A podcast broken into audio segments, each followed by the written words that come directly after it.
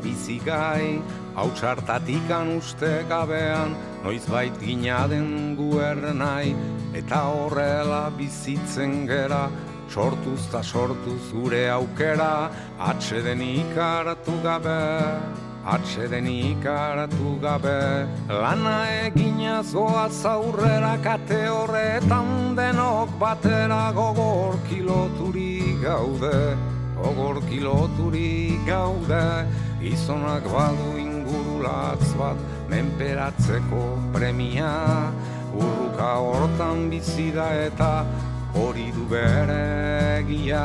Ekinta ekin bilatzen ditu saiatze hortan ezin gelditu jakintza eta argia jakintza eta argia bide ilunak nekez aurkitu lege berriak noiz baiter ditu hortan jokatuz bizia hortan jokatuz bizia ¿Qué tal estáis? Bienvenidos a la Casa de la Palabra. Ponemos a vuestro servicio tres entrevistas registradas en el archivo del programa. Escucharemos a Igone María Currena. Ella fue en bicicleta por las provincias chinas de Yunnan y Sichuan. Recordaremos la visita de dos indígenas y pibos llegados de la selva del Perú y también vamos a recordar al alpinista Carlos Soria en su ascensión al pico Lenin con 80 años. Para empezar, sí, estaremos con Igone María Correna. Ella es periodista, licenciada en antropología, fue sola en bicicleta por las provincias chinas de Yunnan y Sichuan, respirando bastante Tíbet, pues estuvo en Kan, una de las provincias culturales del Tíbet histórico. Está habitado por los campas, que son como así, como bastante belicosos y bueno, con mucho carácter. En total, Igone María Correna ha pedaleado 1.730 kilómetros, pasando por varios puertos de más de 4.000 metros de altitud. Estaremos también con dos miembros de la etnia Sipivo que llegan de la Amazonía peruana. Ronald Suárez es presidente del Consejo Sipivo Conivo y Guillermo Arevalo, médico tradicional amazónico y líder espiritual que bebe de la sabiduría ancestral de su pueblo. Ambos defienden la identidad del pueblo sipivo. Y además de todo esto, vamos a recordar a Carlos Soria. Carlos Soria, que ascendió el 9 de agosto de 2019 el pico Lenin de 7.134 metros en la cordillera del Pamir. Por aquel entonces tenía 80 años y acababa de ser operado de una prótesis de rodilla. Así todo, llegó hasta la cumbre del Pico Lenin. Y además, el 30 de agosto partía a Nepal para subir al Dalogiri, una de los dos 8000 que le faltaban para completar las 14 montañas más elevadas del planeta. Carlos Soria nos habló muy motivado en ese programa que grabamos en Radio Euskadi de la Casa de la Palabra, hablando de cómo ascendió al Pico Lenin y además al poco pues iba de nuevo para allí, para el Dolagiri, mm, que finalmente esa cumbre pues no la consiguió. Este es el contenido de la Casa de la Palabra que ahora os presentamos. Vamos con Igone María Currena.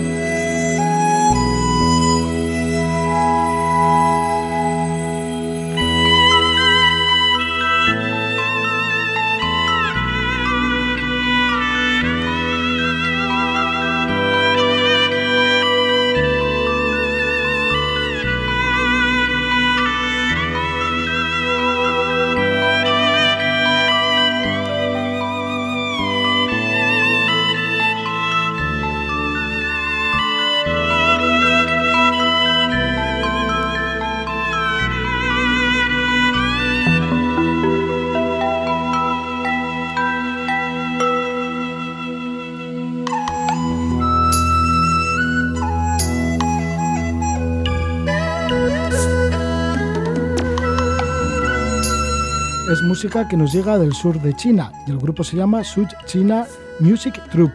Nos vamos a ir a las provincias chinas de Yunnan y Sichuan y también nos vamos a adentrar en territorio Campa, los campas que son tibetanos. Hasta allí ido en bicicleta nuestra invitada, Igone María Currena. A Igone le conocimos antes de que partieran en la aventura de Euskar Aventura, que durante todo el mes de julio estuvieron recorriendo Euskal Herria, llevando a chavales entre 16 y 17 años, que fueron más de 100 chavales y ahí estaba Igone, y después de esto justamente dio el salto a estas provincias chinas de Yunnan y Sichuan, y allí en solitario se fue con su bicicleta y subió varios puertos de 4.000 metros. Le damos la bienvenida a Igone Mariz Correna. Igone, Gabón. Gabón, Roger. Igone, que eres periodista, licenciada en antropología, eres de Pasaya, vives en Donosti, y seguramente te fuiste a estas regiones de Yunnan y Sichuan porque dice que dicen que allí se congregan muchas etnias.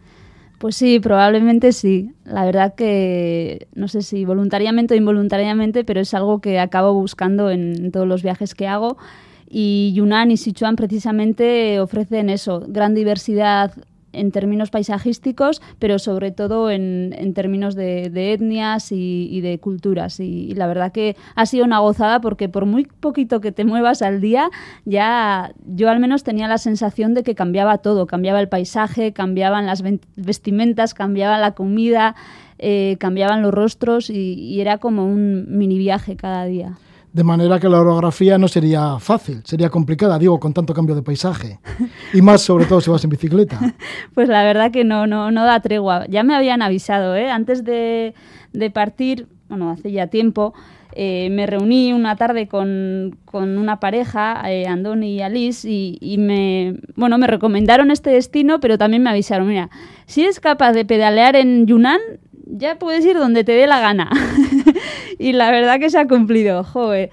Sí, ha sido, físicamente ha sido durillo el viaje, pero gratificante también. Estos consejos te lo dieron Andoni Rodelgo y Alice Goffard, que ya en su día dieron la vuelta al mundo bueno, yo creo que una vuelta al mundo más casi otra que dieron, ¿no? Se tiraron siete años viajando por el mundo en bici, tuvieron dos hijos. Eso es, y con los hijos también viajaron. Sí, a mí su historia me pareció fascinante y por eso quedé un día con ellos y les dije, oye, ¿me recomendaríais algún destino así en particular? Y entre otros me hablaron de este. Entonces llegas allí, a Kunming, que es la capital de Yunnan, ¿con qué te vas encontrando? Porque primero necesitabas una bicicleta. Sí, la bicicleta ya la había reservado de antemano, fue relativamente fácil. me puse a buscar eh, alguna empresa que alquilase o tal y, y di con un, un, chico estadounidense que tiene una empresa no en Kunming sino en Dali, en otra ciudad. Una empresa de aventuras organiza salidas para hacer rafting y tal, y también alquila bicicletas. Lo que pasa que normalmente no las alquila para un mes. Entonces llegamos al acuerdo de que, bueno, me la vendía y si volvía en buenas condiciones me la compraría algo más baratita, pero bueno, al menos recuperaría algo del dinero y es lo que ha sucedido, con lo cual súper contenta. Dali, que es una ciudad que se encuentra a 2.000 metros de altura, es una ciudad bastante antigua. Últimamente para allí va mucho turismo, eh, mucho turismo interior chino. Sí, y además a mí me coincidió, pues eso, prácticamente la primera semana de agosto, que es como la más efervescente allí, ¿no? Y llegaban hordas de chinos y bueno, no era desde luego eh, lo que yo buscaba, pero también ha sido una gran experiencia, ¿no? Ser testigo de cómo funciona el negocio del turismo allí, qué modelo de turismo promociona el gobierno chino y bueno, lo que vi es que básicamente se, basa, se, basa en, el consumo y en, las imágenes, en la fotografía. Tienen montado un negocio total y absoluto en torno a las fotos, las redes sociales. Eh, las empresas ofrecen de todo, desde ropa hasta maquilladores, fotógrafos, peluqueros, para que bueno puedas en estas ciudades antiguas puedas pues hacerte tu photo session y, y luego pues lucir en las redes. Te visten, te maquillan y sí, luego ya... tú puedes elegir el rollo que quieras. Puedes ir de hawaiano, de chino, de, de, lo que te dé la gana. Muchísimas parejas recién casadas van allí a hacerse fotos y, y familias, no sé, es todo, todo un negocio. Yo la verdad que aluciné. Por suerte también era fácil escaquearse porque es, algo muy concentrado, ¿no? Se mueven así como en como borreguitos de un lado a otro y, y bueno, hay una cordillera súper bonita allí, a la que puedes escapar y caminar y tal, y, bueno, es lo que hice. Y de todas formas tampoco pasé muchos días allí, hasta poner a punto la bicicleta y luego ya me largué. Seguiste el río Yangtze y llegaste a la prefectura tibetana de Denken. Ya estabas en un territorio distinto, ¿no? Porque pasabas de estas provincias, bueno, que en realidad también está dentro de las provincias chinas, de Yunnan y Sichuan. Pero bueno, ya se respiraba otro ambiente, ¿no? Ya más tibetano. Totalmente, es un cambio total y absoluto. Además coincidió eso, fue cruzar el, río a, la otra orilla y, de repente se, se, abrió el mundo tibetano, los grandes monasterios, eh, la gente tibetana que es tan religiosa, tan amable, tan acogedora. Eh, comencé a hospedarme en sus casas porque no había manera de, acampar. Las laderas son súper empinadas, no, no, no, no, hay manera de montar una tienda allí. Si hay un llano, ellos, pues eso, meten o maíz o arroz o lo que sea, cualquier cultivo.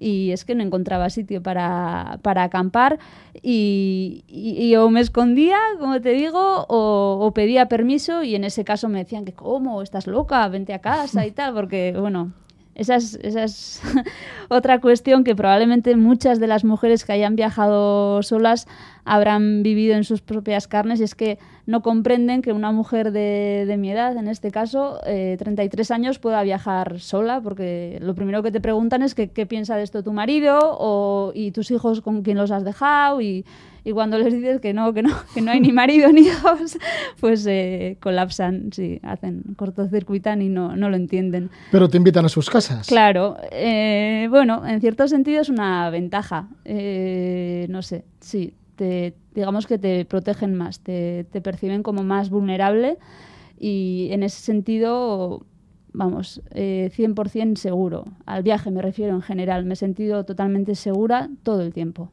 Ya empiezas además a subir grandes altitudes, porque sí que pasas varios puertos de 4.000 metros. ¿Cómo fue el primero de ellos? Joder, pues lo recuerdo, esa etapa en concreto la, recuerdo especialmente, ¿no? Fue, el nombre no es muy original, pero el, el, el puerto, perdón, acababa en el La.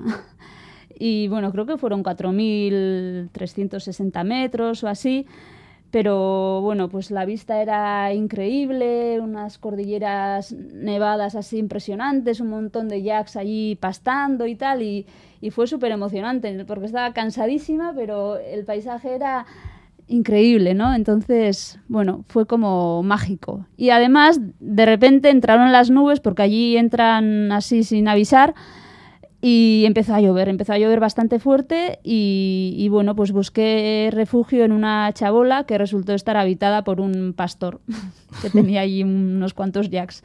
Y bueno, este hombre, habituado a vivir súper solo y, en silencio, pues me acogió y tratamos de hablar como pudimos, porque esa es otra cosa. En China es imposible, si no sabes chino o tibetano o alguna de las lenguas minoritarias, olvídate porque allí no hablan inglés. Bueno, pues tratamos de comunicarnos como pudimos. Él me enseñó a ordeñar los jacks, me dio leche para beber, me dio a probar el queso que hacía. Y bueno, fue una tarde súper curiosa y entrañable la que pasamos. La recuerdo con mucho cariño. Muchísimo tiene que ser, ¿no? Y además tú como antropóloga, pues fíjate, encontrarte un nómada allí en una montaña, bueno, en un puerto de más de 4.000 metros que cuida los jacks, que vive solitario. Sí, sí, sí, por eso te digo que fue muy entrañable, fue Sí, además, bueno, nos reímos un montón porque no había manera de entenderse, ¿no? Pero bueno, ya paró de llover y, nada, pues empecé a descender y, así en el horizonte apareció el Cabo Acarpó, que es una montaña de 6.700 metros, algo más de 6.700 metros, y es sagrada para el budismo tibetano. Entonces, prácticamente desde el Yakla, desde la cabaña del pastor hasta el, hasta el, destino final de aquella etapa, pues eso, descendí con el Kawa Carpo allí de fondo en el horizonte. Además tuve mucha suerte porque aparecía menos eh, con menos nubosidad de lo habitual. O sea, la montaña sí se presentaba súper limpia, tanto aquella tarde como a la mañana siguiente, al amanecer. Entonces, ya te digo, fue el día así en... Sí, que, fue, todo muy redondo, ¿no? Sí, me está quedando así muy bucólico, pero sí, Fue, fue, una Bueno, es que te fue bastante bien, porque luego incluso conseguiste cruzar la frontera tibetana, ya con el Tíbet real. Sí, que tampoco era mi plan, no, no pretendía pues eso, saltarme la ley, ni hacer nada heroico, ni nada por el estilo, pero estaba allí cerca y yo creo que serían como las diez y media de la mañana o así, me acerqué a la frontera y allí no había nadie. Es verdad que es una frontera pues prácticamente nada controlada ni custodiada porque es como muy remota, ¿no? Entonces, pues, ya te digo, no había nadie y dije, bueno, pues voy a seguir. y pasé y seguí pedaleando unos kilómetros, no muchos, porque ya sabía que más adelante me encontraría con algún checkpoint o algo. Se supone que está muy controlada, que no pueden entrar los extranjeros en el Tíbet. Sí, sí, si no es a través de una agencia de turismo china, pagando el, el permiso correspondiente y, y acompañados por un guía local y tal, en principio es imposible. Pero bueno, ya te digo, mm, sonó la campana y, pude. Y... Bueno, no había nadie controlando la frontera. dijiste, bueno, pues voy a tirar, voy a tirar unos cuantos kilómetros. Que estuviste en alguna aldea y además que estuviste como un día entero. Pude entrar en una aldea, una vez más me acogieron en, una casa, además era una casa impresionante, era viejita, pero la estancia principal pues era 100% tibetana, con todas las paredes, los muebles dibujados y pintados a mano, bueno, alucinante.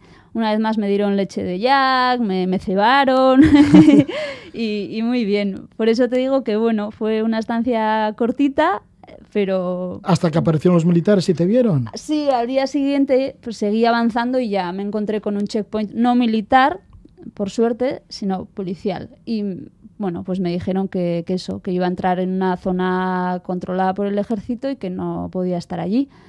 Yo les expliqué que quería ir a Batán, que es una ciudad que está en la provincia de Sichuan y que, que, estaba como de tránsito, ¿no? Que, si no tenía que retroceder y que la ruta era muy larga y tal. Y bueno, me dijeron que, muy bien, que lo entendían, pero que para atrás.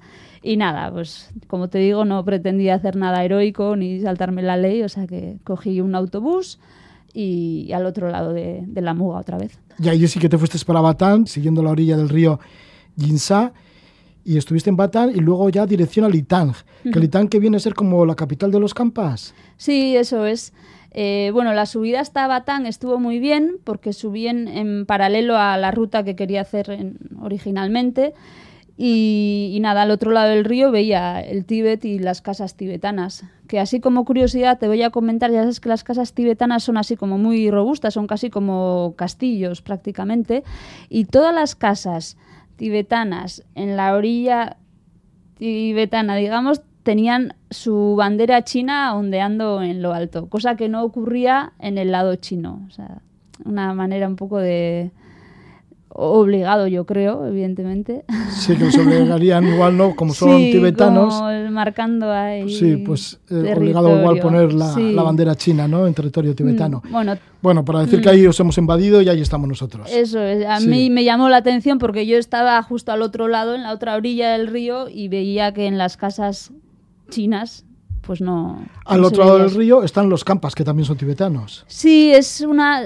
Los campas o el Camp Tibet es una región tibetana. Son, ellos son tibetanos, ellos y ellas originalmente. Lo que pasa que nunca, digamos, se han supeditado al poder ni, ni, al empeño centralizador de los lamas. Siempre se han autogobernado con bueno, sus leyes tribales ancestrales y han ido así un poco por libre, por decirlo de alguna manera. Y eso se refleja en su personalidad, porque es gente como muy digna, orgullosa, no son especialmente simpáticos ni curiosos, no preguntan demasiado al forastero, como que pasan un poco de ti. Son altivos. Sí, algo altivos, sí. Y también se refleja en, en su físico, quizás, en su apariencia. Es gente muy elegante, muy, muy altos también, muy, gente muy atractiva. La verdad que vi mujeres y hombres súper guapos y sí, una elegancia innata así que me impresionó. ¿Cómo fue la ruta de Batán a Litang? Porque Litang que viene a ser como la capital de los campas, de los campas tibetanos. Sí, eh, pues el tramo este entre Batán y Litang, que fueron como unos 300, 250, 300 kilómetros, fue quizás la parte más espectacular del, del viaje, porque, bueno, después de superar unos cuantos puertos más, pues se abrió ante mí la, llanura, ¿no? La, la, estepa, que se llama la estepa Maoya, además. Es una de las más extensas y más bonitas, dicen, de toda China.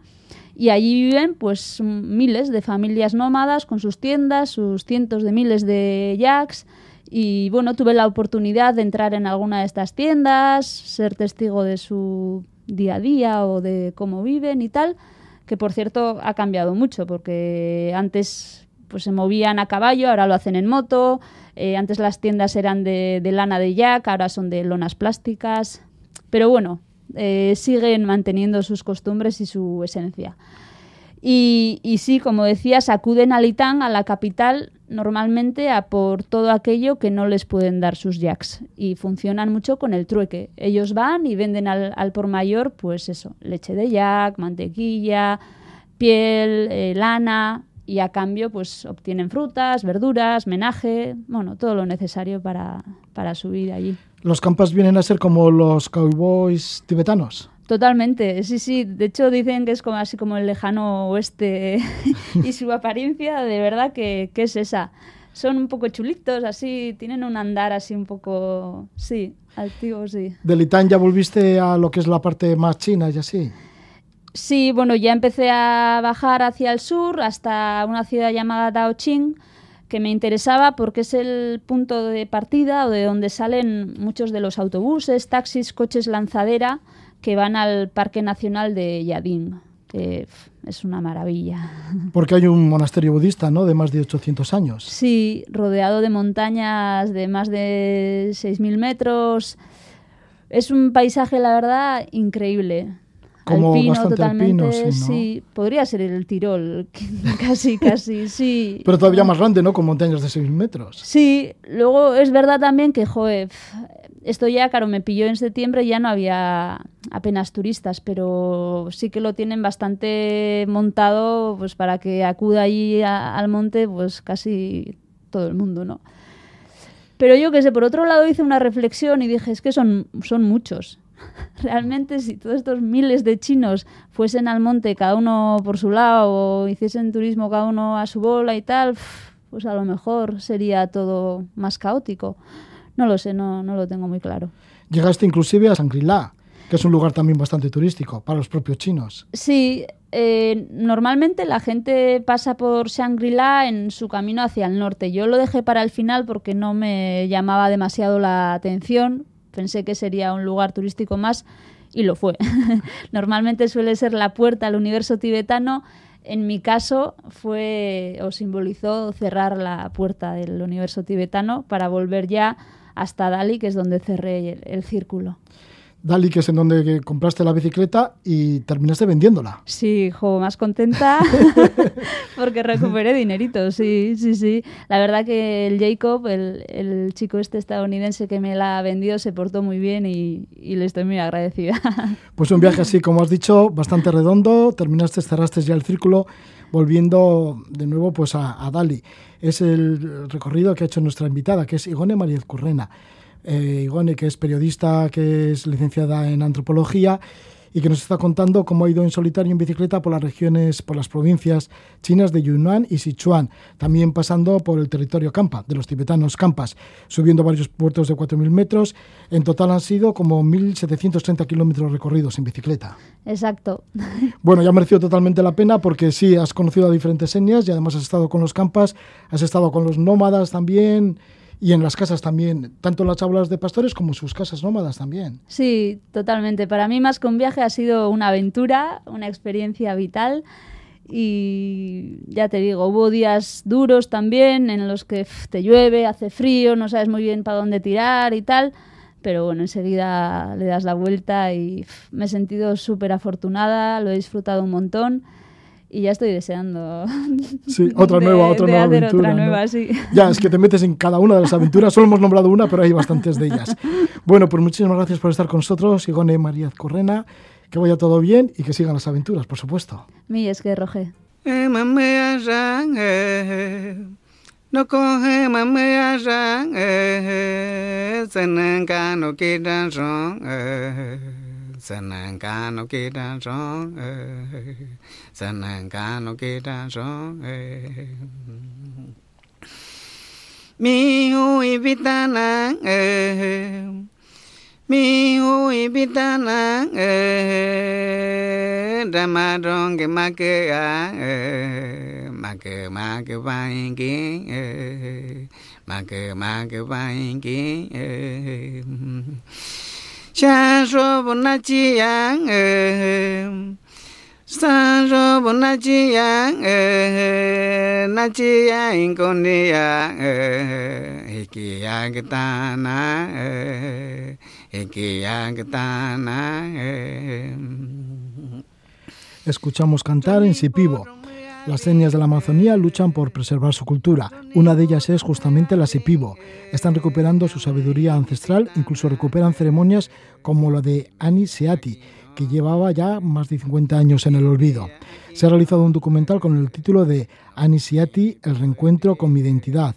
En él se puede ver los usos y costumbres de las comunidades sipivos cuando se reúnen en una fiesta de hermandad. Está dirigida por Ronald Suárez, que además es el presidente del Consejo Sipivo Conivo Setebo de Cosicox en Perú. Le damos la bienvenida a Ronald Suárez. Muy buenas noches, Ronald. Buenas noches, Roge. Es un gusto estar aquí. Estamos también con Guillermo Arevalo, que es justamente además el que está cantando esta música que hemos recogido y es el que es la voz de, que canta estos temas en Sipivo. Él es médico tradicional amazónico y líder espiritual. Guillermo Arevalo, bienvenido, muy buenas noches. Roger, buenas noches. Aquí estamos para poder responder las preguntas que a usted le conviene. Guillermo, por cierto, ¿qué estás cantando aquí? Sí, sí. ¿Qué es lo que estás cantando? ¿Qué... Estoy eh, cantando sobre el Anishiati. Cuando uno llega al Anishiati y comparte el licor de la fiesta tradicional, Anishiati. Anishiati, que es la fiesta que habéis recuperado y que se ha hecho este documental de la cual vamos a hablar, pero también tenemos un invitado más, como es Alberto Inarejos. Llega desde Alicante y es el presidente de la asociación COSIOX en España.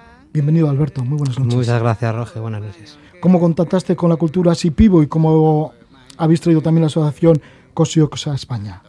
Bueno, ya desde hace tiempo eh, visitamos aquella zona, visitamos el Perú, visitamos la Amazonía y poco a poco su cultura nos fue cautivando y decidimos estar más en contacto con ellos. ¿Por qué te ha cautivado la cultura Sipivo? Pues entre otras muchas cosas por el nivel de sabiduría y conocimiento que tienen, por sus tradiciones tan, tan antiguas, tan ancestrales y el respeto que tienen hacia la naturaleza y contacto con lo natural. ¿En dónde os, os desenvolvéis los hipivos? ¿Cuál es el hábitat de los hipivos en la Amazonía de Perú? Bueno, nosotros estamos ubicados estratégicamente en la Amazonía peruana, en la región Ucayali, Loreto, Huánuco y Madre de Dios. somos una población de 45 mil chipivos en todo el Perú y unos 166 comunidades. ¿Cómo es el paisaje? Bueno, tenemos el río, tenemos las montañas, tenemos mm, nuestras lagunas y toda la biodiversidad que existe en la Amazonía. Así que sois ricos en biodiversidad bueno, somos considerados como la capital de la biodiversidad en el mundo, ¿no? ¿Qué animales, qué flora hay en vuestro territorio, en el territorio Sipivo? Bueno, hay infinitos, hasta ahora no se termina de contar cuántos tenemos. ¿Cómo es vuestra vida? Desde niños estáis en contacto con esa naturaleza, con esa vegetación, con esos animales que a nosotros nos pueden sonar como exóticos. Claro, esa es la tradición, ¿no? Desde muy pequeños. Desde muy pequeños también convivís con las plantas. Guillermo, ¿cómo llegaste a hacerte médico tradicional amazónico? ¿Cómo has aprendido toda esa, sabiduría? Mi abuelo era em, aymara. Entonces, él primero a los cinco años me enseñó cómo hablar con el sol. Entonces yo tenía comunicación con el sol por varios años, pero em, después llegó la época de estudiar eh, primaria, secundaria, universidad, lo hice en Brasil. Entonces, tengo el conocimiento de ser enfermero.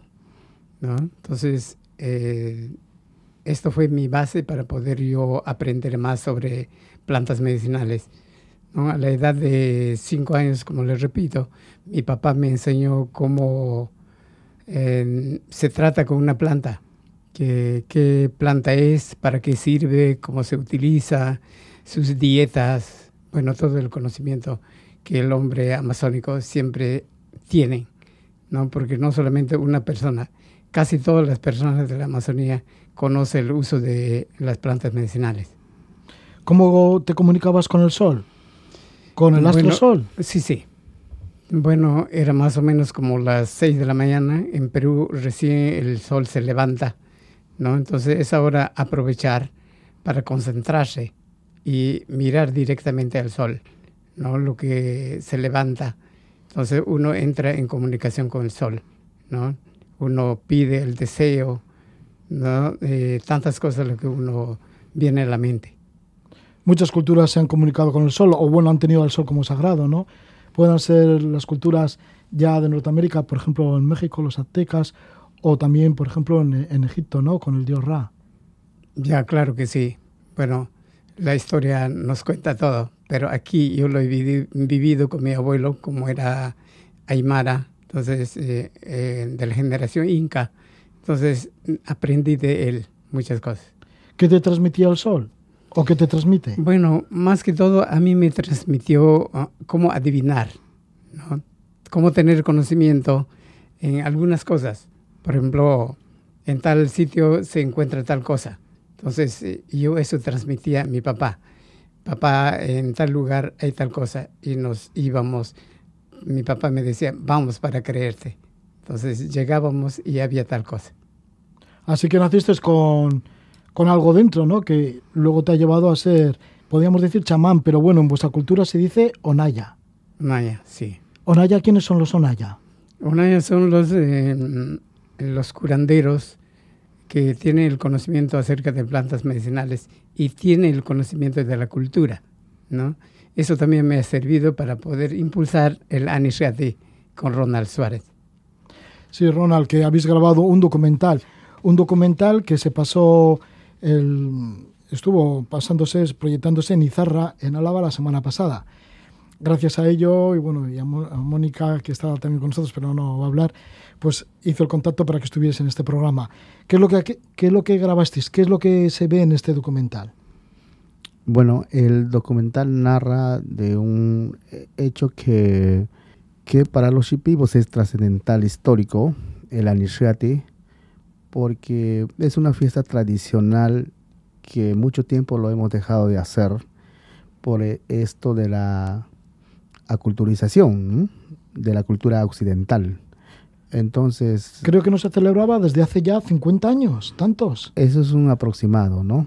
Eh, entonces, el Anishiati eh, ha perdido bastante su, su esencia única. y ahora en este Anishiati lo que hemos mostrado es el Anishiati moderno, donde, por ejemplo, hay tradiciones que, no se ve, ¿no? Por ejemplo, el sacrificio de clítoris, por ejemplo, ¿no? Que esas escenas ya, ya no se le hace. Por ejemplo, el apartamiento del, del, del frente, que también ya no se hace y un montón de cosas, ¿no? Pero ahora lo que sí estamos haciendo ahora, por ejemplo, es el corte de cerquillo, la prueba de fuerzas, el sacrificio de animales y otras cosas más, ¿no? ¿Qué supone entonces el Anisiati para la cultura sipivo, esta ceremonia?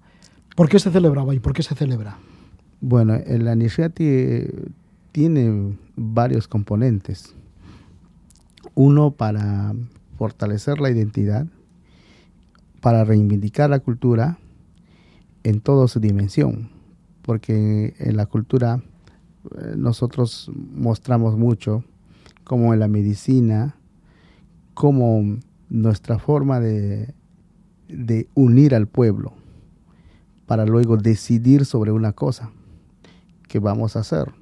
Entonces de eso se trataba la fiesta, porque también en el Anishiati, por ejemplo, se, se conversaba entre, entre la gente, entre la familia, para qué hacer con, un problema frente a lo que se viene, o de repente para curar un enfermo.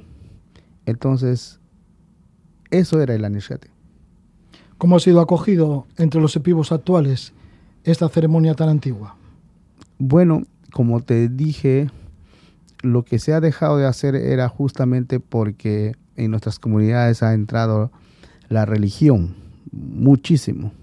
Entonces la religión empezó a impedir para que esto se realice, porque la religión nos dice que esto es diabólico y no, no se podía hacer. La religión cristiana. La religión cristiana.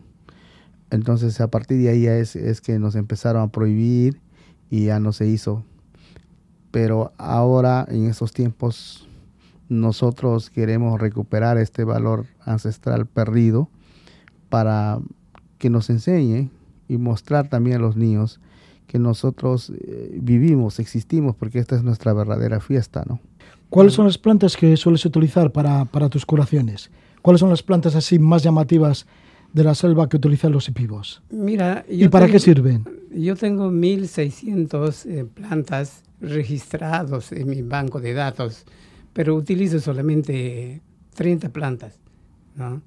Lo más principal es así como el piñón colorado, el piñón blanco, porque haciendo un trabajo de investigación preclínica se ha encontrado 100 sustancias químicas ¿no? para resolver diferentes problemas físicos. ¿no? Entonces, eh, he seleccionado más que todo plantas para poder utilizar. ¿Qué es lo que pueden curar? Mm, por ejemplo... ¿Para qué las utilizáis? por ejemplo, OG. ¿no? OG es una planta que produce una resina eh, muy eficaz para eliminar parásitos. Entonces, eh, porque antiguamente existían muchos parásitos en la Amazonía, ¿no? y actualmente también igual. Entonces, eh, nos sirve para poder ayudar a los niños, inclusive a los adultos, para que no tengan anemia, para que tengan buena alimentación. Y después luego el sanango. El sanango más que todo es para eliminar el frío, el reumatismo y la artritis, ¿no? y tener, recuperar fuerzas y energías físicas. Hay, por ejemplo, el chuchuasi. El chuchuasi es más que todo para eh, evitar el reumatismo y la pérdida de energías. Y luego tenemos la planta, em, eh, el mismo banana, el tronco de banana contiene un zumo muy importante para eliminar, por ejemplo, gastritis, eh, luego también para curarse de prolapso en casos de, de, enfermedades de la mujer. Entonces, las plantas, casi todas las plantas tienen su valor, tienen sus propiedades medicinales, pero lo único es que no sabemos utilizar. Pero en la Amazonía peruana los shipibos tienen todo este conocimiento. Un conocimiento pues que, que, es un conocimiento universal, toda esa sabiduría, que hay que conservarlo y estáis por recuperar vuestras ceremonias y también todo, todo ese mundo cultural que hay alrededor de ello. Inclusive, Ronald, has estado ya tres veces en la ONU y también has estado en los COPs, en la Asamblea General de las Naciones Unidas, para hablar de la biodiversidad y el cambio climático. ¿Por qué tu presencia en la ONU? Bueno, lamentablemente nuestros derechos como pueblos indígenas son vulnerados en nuestro país, como el despojo de nuestras tierras, el ingreso de compañías extractivistas sin el consentimiento de nosotros, en donde el Estado peruano permite haciendo negocios fuera sin participación de nosotros y nosotros tenemos que ir a, estas instancias internacionales para hacer la denuncia, ¿no? Y entonces de esa manera es nuestra única defensa. Sí, ¿cuáles son esas amenazas? ¿Qué son petroleras que están en vuestro territorio? ¿Que no repercuten en la población sipivo? Eh, las compañías petroleras, eh, las empresas de monocultivo, como también las compañías gasíferas. ¿Monocultivo, por ejemplo? Eh, cultivos? La, palma aceitera, por ejemplo, hay una comunidad donde ha entrado una empresa norteamericana de Dennis Melka, que en este momento ha depredado miles y miles de bosques primarios. A pesar de que ha sido sancionado por organismos nacionales y también organismos internacionales, sigue operando. Y entonces para nosotros es una preocupación porque hasta ahora ya no sabemos dónde acudirnos frente a, a estos derechos que a nosotros nos afectan no solamente a los seres humanos, también a la biodiversidad. Afecta a todos entonces, ¿no? A esa biodiversidad. ¿Cuál es vuestra opinión sobre la biodiversidad y el cambio climático que se está produciendo en todo el planeta? Es una responsabilidad de todos, donde todos debemos eh, responsabilizarnos para cuidar el medio ambiente. Y qué mejor que nosotros tratamos de contribuir con el mundo cuidando el medio ambiente pero sin embargo nuestras propias autoridades no nos ayudan y y entonces para nosotros es eh, muy preocupante porque nosotros queremos seguir defendiendo el, medio ambiente y a los seres humanos que habitamos en el mundo. Pues muchas gracias por estar con nosotros, Alberto Inarejos, presidente de la Asociación COX en España. muchas gracias. Muchas gracias también a Guillermo Arevalo, médico tradicional amazónico y líder espiritual. Gracias, Guillermo, por tus enseñanzas. Muchas gracias, Roger.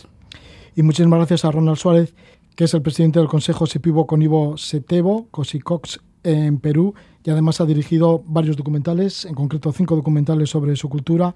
Uno de ellos, Aniseati, el reencuentro con mi identidad, que se proyectó la semana pasada en Izarra, en Álava. Muchísimas gracias por estar con nosotros, Ronald. Muchas gracias.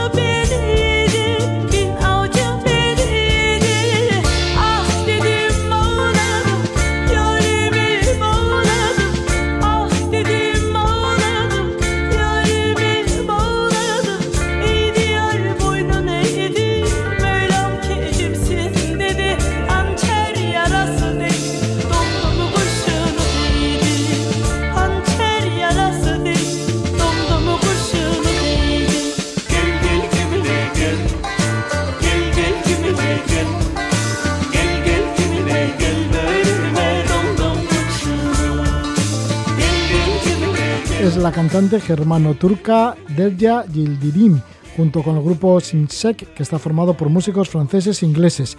Esta música nos lleva hacia Oriente, hacia la cordillera del Pamir, y es que estamos con Carlos Soria. Carlos Soria, que nació en Ávila en febrero de 1939. Tiene 80 años. Le faltan dos ocho miles para completar las 14 montañas más elevadas del planeta. Es el único alpinista del mundo que ha conseguido 10 ocho miles con más de 60 años. Este verano ha ascendido al pico Lenin de 7.134 metros. Tras su paso por el quirófano, en donde se le implantó una prótesis en la rodilla, pues bueno, ha tenido la voluntad, la firme voluntad de ascender al pico Lenin y así lo ha conseguido. Todo ha ido como un tiro en esta cordilla del Pamir que le sirve de aclimatación para volver al Daulagiri de 8.167 metros en el Himalaya del Nepal y para el Dolagiri se marcha el viernes 30 de agosto. Antes está con nosotros aquí en la Casa de la Palabra. Le damos la bienvenida a Carlos Soria. Muy buenas noches, Carlos. Buenas noches, Roger. ¿Qué tal? Bueno, pues ahí estás, ¿no? Con, con mucho ánimo después de haber conseguido el Pico Lenin. Sí, con mucho ánimo. Era una prueba muy arriesgada porque podía no haber subido por cualquier chorrada y haber ido igual de bien que ido, pero eso luego a la vuelta siempre queda muy mal. Pero he tenido la suerte de poder llegar a la cumbre y comprobar pues que mi pierna funciona estupendamente, que no se enfría más, porque además de andar y todas esas cosas, pues también hay que ver que que puede tener peor circulación, pero me ha ido fantásticamente, he subido muy bien, no tengo toda la flexión, pero ya me he acostumbrado a bajar de esa forma y eh, la verdad es que ha sido una ascensión fantástica, hecha en un tiempo para, para una persona como yo pues por la edad y por la prótesis y tal, fuera de toda lógica casi, muy rápido y muy bien. Estoy encantado y con nuevos ánimos, aunque siempre los he tenido, para volver al Daulagiri. Esperemos que esta vez nos permita llegar ahí a su cumbre. Seguro que nos va a permitir. Bueno, pues que haya mucha suerte. ¿Y cómo ha ido esta ascensión? Bueno, ya has dicho que ha sido muy rápida, que ha sido muy ágil. Se produjo el 9 de agosto de 2019 y a la cumbre llegaste con tus dos compañeros, con Pedro Nicolás y con Javier Garrido. No, solo pudo llegar Pedro Nicolás. Javier, el hombre, entre el campo 3 y la cumbre, eh, se tuvo que dar la vuelta. No se encontraba bien y se tuvo que dar la vuelta. Pues yo demasiado bien, como te digo, porque además, antes de ir a la cumbre, tuve unos días con, con un problema de diarrea, como te puede pasar muy fácil en estos sitios, y estuve cinco o seis días a roza antes de ir y yo no me pido, no pude subir al campo 2 para aclimatar con ellos que subir una vez al campo 2. Cuando fui a la cumbre fui derecho desde el campo base, que es el campo 1, pero es el campo base, pues a la cumbre y la verdad que se me dio vamos, increíble, muy bien, muy bien. Había hecho, como siempre, muy buena preparación, siempre lo hago. Había estado en el CAR de Sierra Nevada 15 días antes, estoy entrenando y durmiendo en una cámara de hiposia, en una tienda de campaña, y todo eso pues me ha facilitado, yo creo, el estar en buenas condiciones, porque verdaderamente subir sin haber aclimatado un poco antes, pues no es fácil. ¿Cómo fueron los momentos en la cumbre? ¿Cómo es estar allí en la cima del Pico Lenin, en el Pamir? Pues, pues la verdad es que muy emocionante. Yo había estado en el Cáucaso el año 1968. Cuando se lo contaba a algunos rusos que habían estado allí casi no se lo creían. Hicimos la arista norte de Luzba en aquella primera expedición española al Cáucaso el año 68. Se lo contaba un guía que había ruso allí y bueno, era muy divertido, verdaderamente, porque le parecía que no era lógico que hubiese estado en el 68 haciendo ya la arista norte de Luzba y ahora estuviese subiendo al Picolín, pero muy bien, muy agradable la gente allí conmigo y muy todo, muy todo el mundo muy cariñoso y muy bien. Lo he pasado fenómeno y sobre todo, mira, la previsión con el meteorólogo hablamos la noche del campo 3 y nos dijo que estaba un poco peor que su el viento, qué tal, pero luego no se cumplió del todo, hubo mucho viento mientras era de noche y luego en la cumbre pues estuvo relativamente bastante bien, mucho frío pasamos porque además aquí tampoco llevábamos el traje de pluma que llevamos en, el, en los 8000, pero vamos, llevaba ropa suficiente, pero yo estaba, vamos, como flotando en una nube porque había hecho una ascensión verdaderamente que no pensaba que me saliera tan bien, tan bien, tan bien. ¿Tenías apuro por el tema de la rodilla, por la operación que tuviste, este implante, implante una prótesis? Claro, verdaderamente llevo una prótesis completa. Tengo un poco menos de flexión de la que tenía que tener, pero tengo mucha fuerza en la pierna y está muy muy bien colocada. Mi amigo Manuel Leyes, el traumatólogo, me ha hecho una operación fantástica y está ahí constante eh, vigilando todos mis pasos y me ha ido muy bien, muy bien, muy bien. Estoy encantado.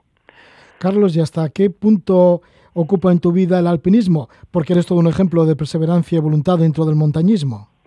Pues el alpinismo en mi vida tiene mucho que ver. Desde niño, prácticamente desde los 14 años, en mi vida, con mi familia, toda mi familia hace alpinismo más o menos fuerte. He hecho con las hijas desde pequeño, con mi mujer también, he subido al Cervino, he subido al Mont Blanc, he escalado de jóvenes, ahora ya no tanto, pero con las hijas pues seguimos haciendo cosas. Hace poco escalé también por primera vez desde la prótesis en los galayos un poco de escalada en roca y bueno, ahí voy muy justo, pero bien, bien, la verdad es que estoy encantado. He ganado he ganado bueno pues un poco más de tiempo para seguir subiendo montañas con esto de la prótesis. Cómo te puedes mantener con 80 años pues siendo deportista de élite con muchas ganas porque es lo que me gusta y lo que quiero hacer y, y, porque dedico buena parte de mi vida a entrenarme y a cuidarme, esa es la realidad, ¿no? El estar 15 días antes de ir al Pico Lenin en el CAR de Sierra Nevada, allí a, a 2.300 metros viviendo y luego entrenando 5 horas o 6 entre, por encima de 3.000 metros, pues también me ayuda, pero claro, aquí no hay milagros, hay que trabajárselo, como es lógico, y yo pues quiero hacerlo bien siempre. No me importa subir o no subir, pero me importa hacer bien, estar bien en el sitio donde voy, en la montaña, estar en mi sitio, no ir allí como un pobre señor a ver si le echan una mano para que suba, no. Eso no lo haré nunca. Pues ahí te vas, el viernes 30 de agosto, marchas para el Dolagiri, otro de los 8000, un 8000 que se te resiste bastante.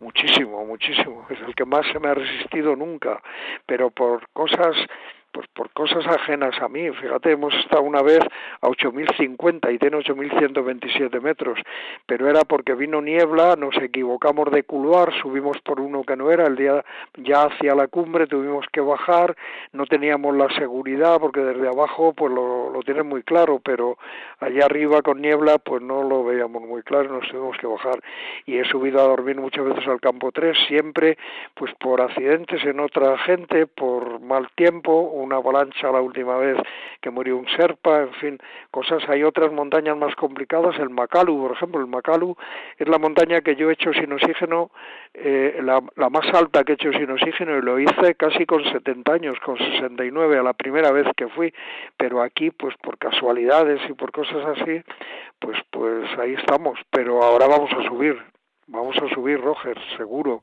Se tienen que poner, somos muy amigos ya el Daulagiri y yo, y me tiene que permitir eso.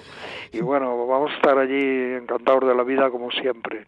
Y tengo mucho interés y todos tenemos mucho interés en que llegue allá arriba y espero que lo consiga. Es el que más me importa, porque el Sisapamma también quiero ir. Si subimos aquí seguro que tendré patrocinio para ir al Sisapamma, pero al fin y al cabo he hecho una de sus dos cumbres y las dos tienen más de 8.000 metros, pero vamos, el que, pero quiero ir también a hacer la cumbre principal, pero sobre todo quiero ir al Daulagiri ahora y subir. Y estoy haciendo todo lo, lo que sé hacer, que sé hacer mucho, porque llevo muchos años en esto de la montaña, pues para intentar conseguirlo, pues bien, como se debe de hacer, bien hecho. Vamos a ver. El Dalajiri y el Sisa Palma, que son los últimos, los dos últimos que te faltan para completar los 14 miles. Carlos, pues que vaya todo muy bien, que tengas mucha suerte, que te la mereces. Muchas gracias a vosotros, que siempre sois muy amables conmigo. Muchísimas gracias y un fuerte abrazo para todos los oyentes.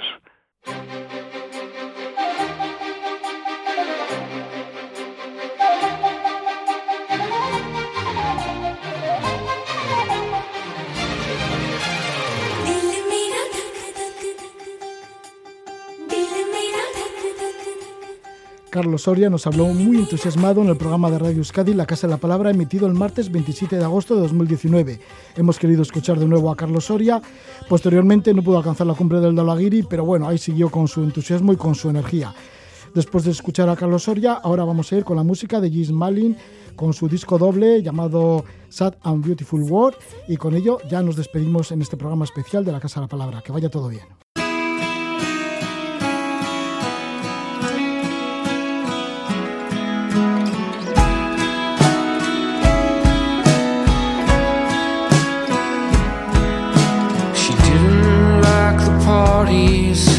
She dressed in grey and black. Olive felt like Easter, always coming back. She came from crooked parents and balanced it with dance. She hid out in her pages to graduate with grants so long. But someone's is breaking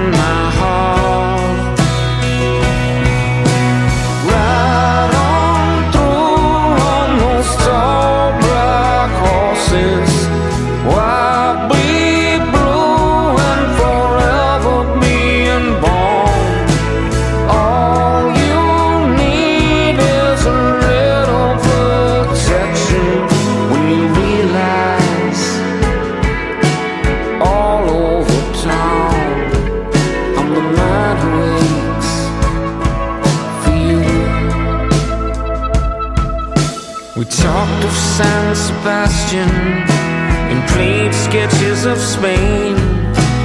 We slept safe and silent. She didn't trust her pain. Seven sins and oceans.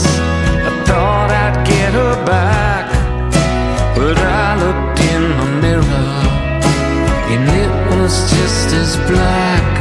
Cause someone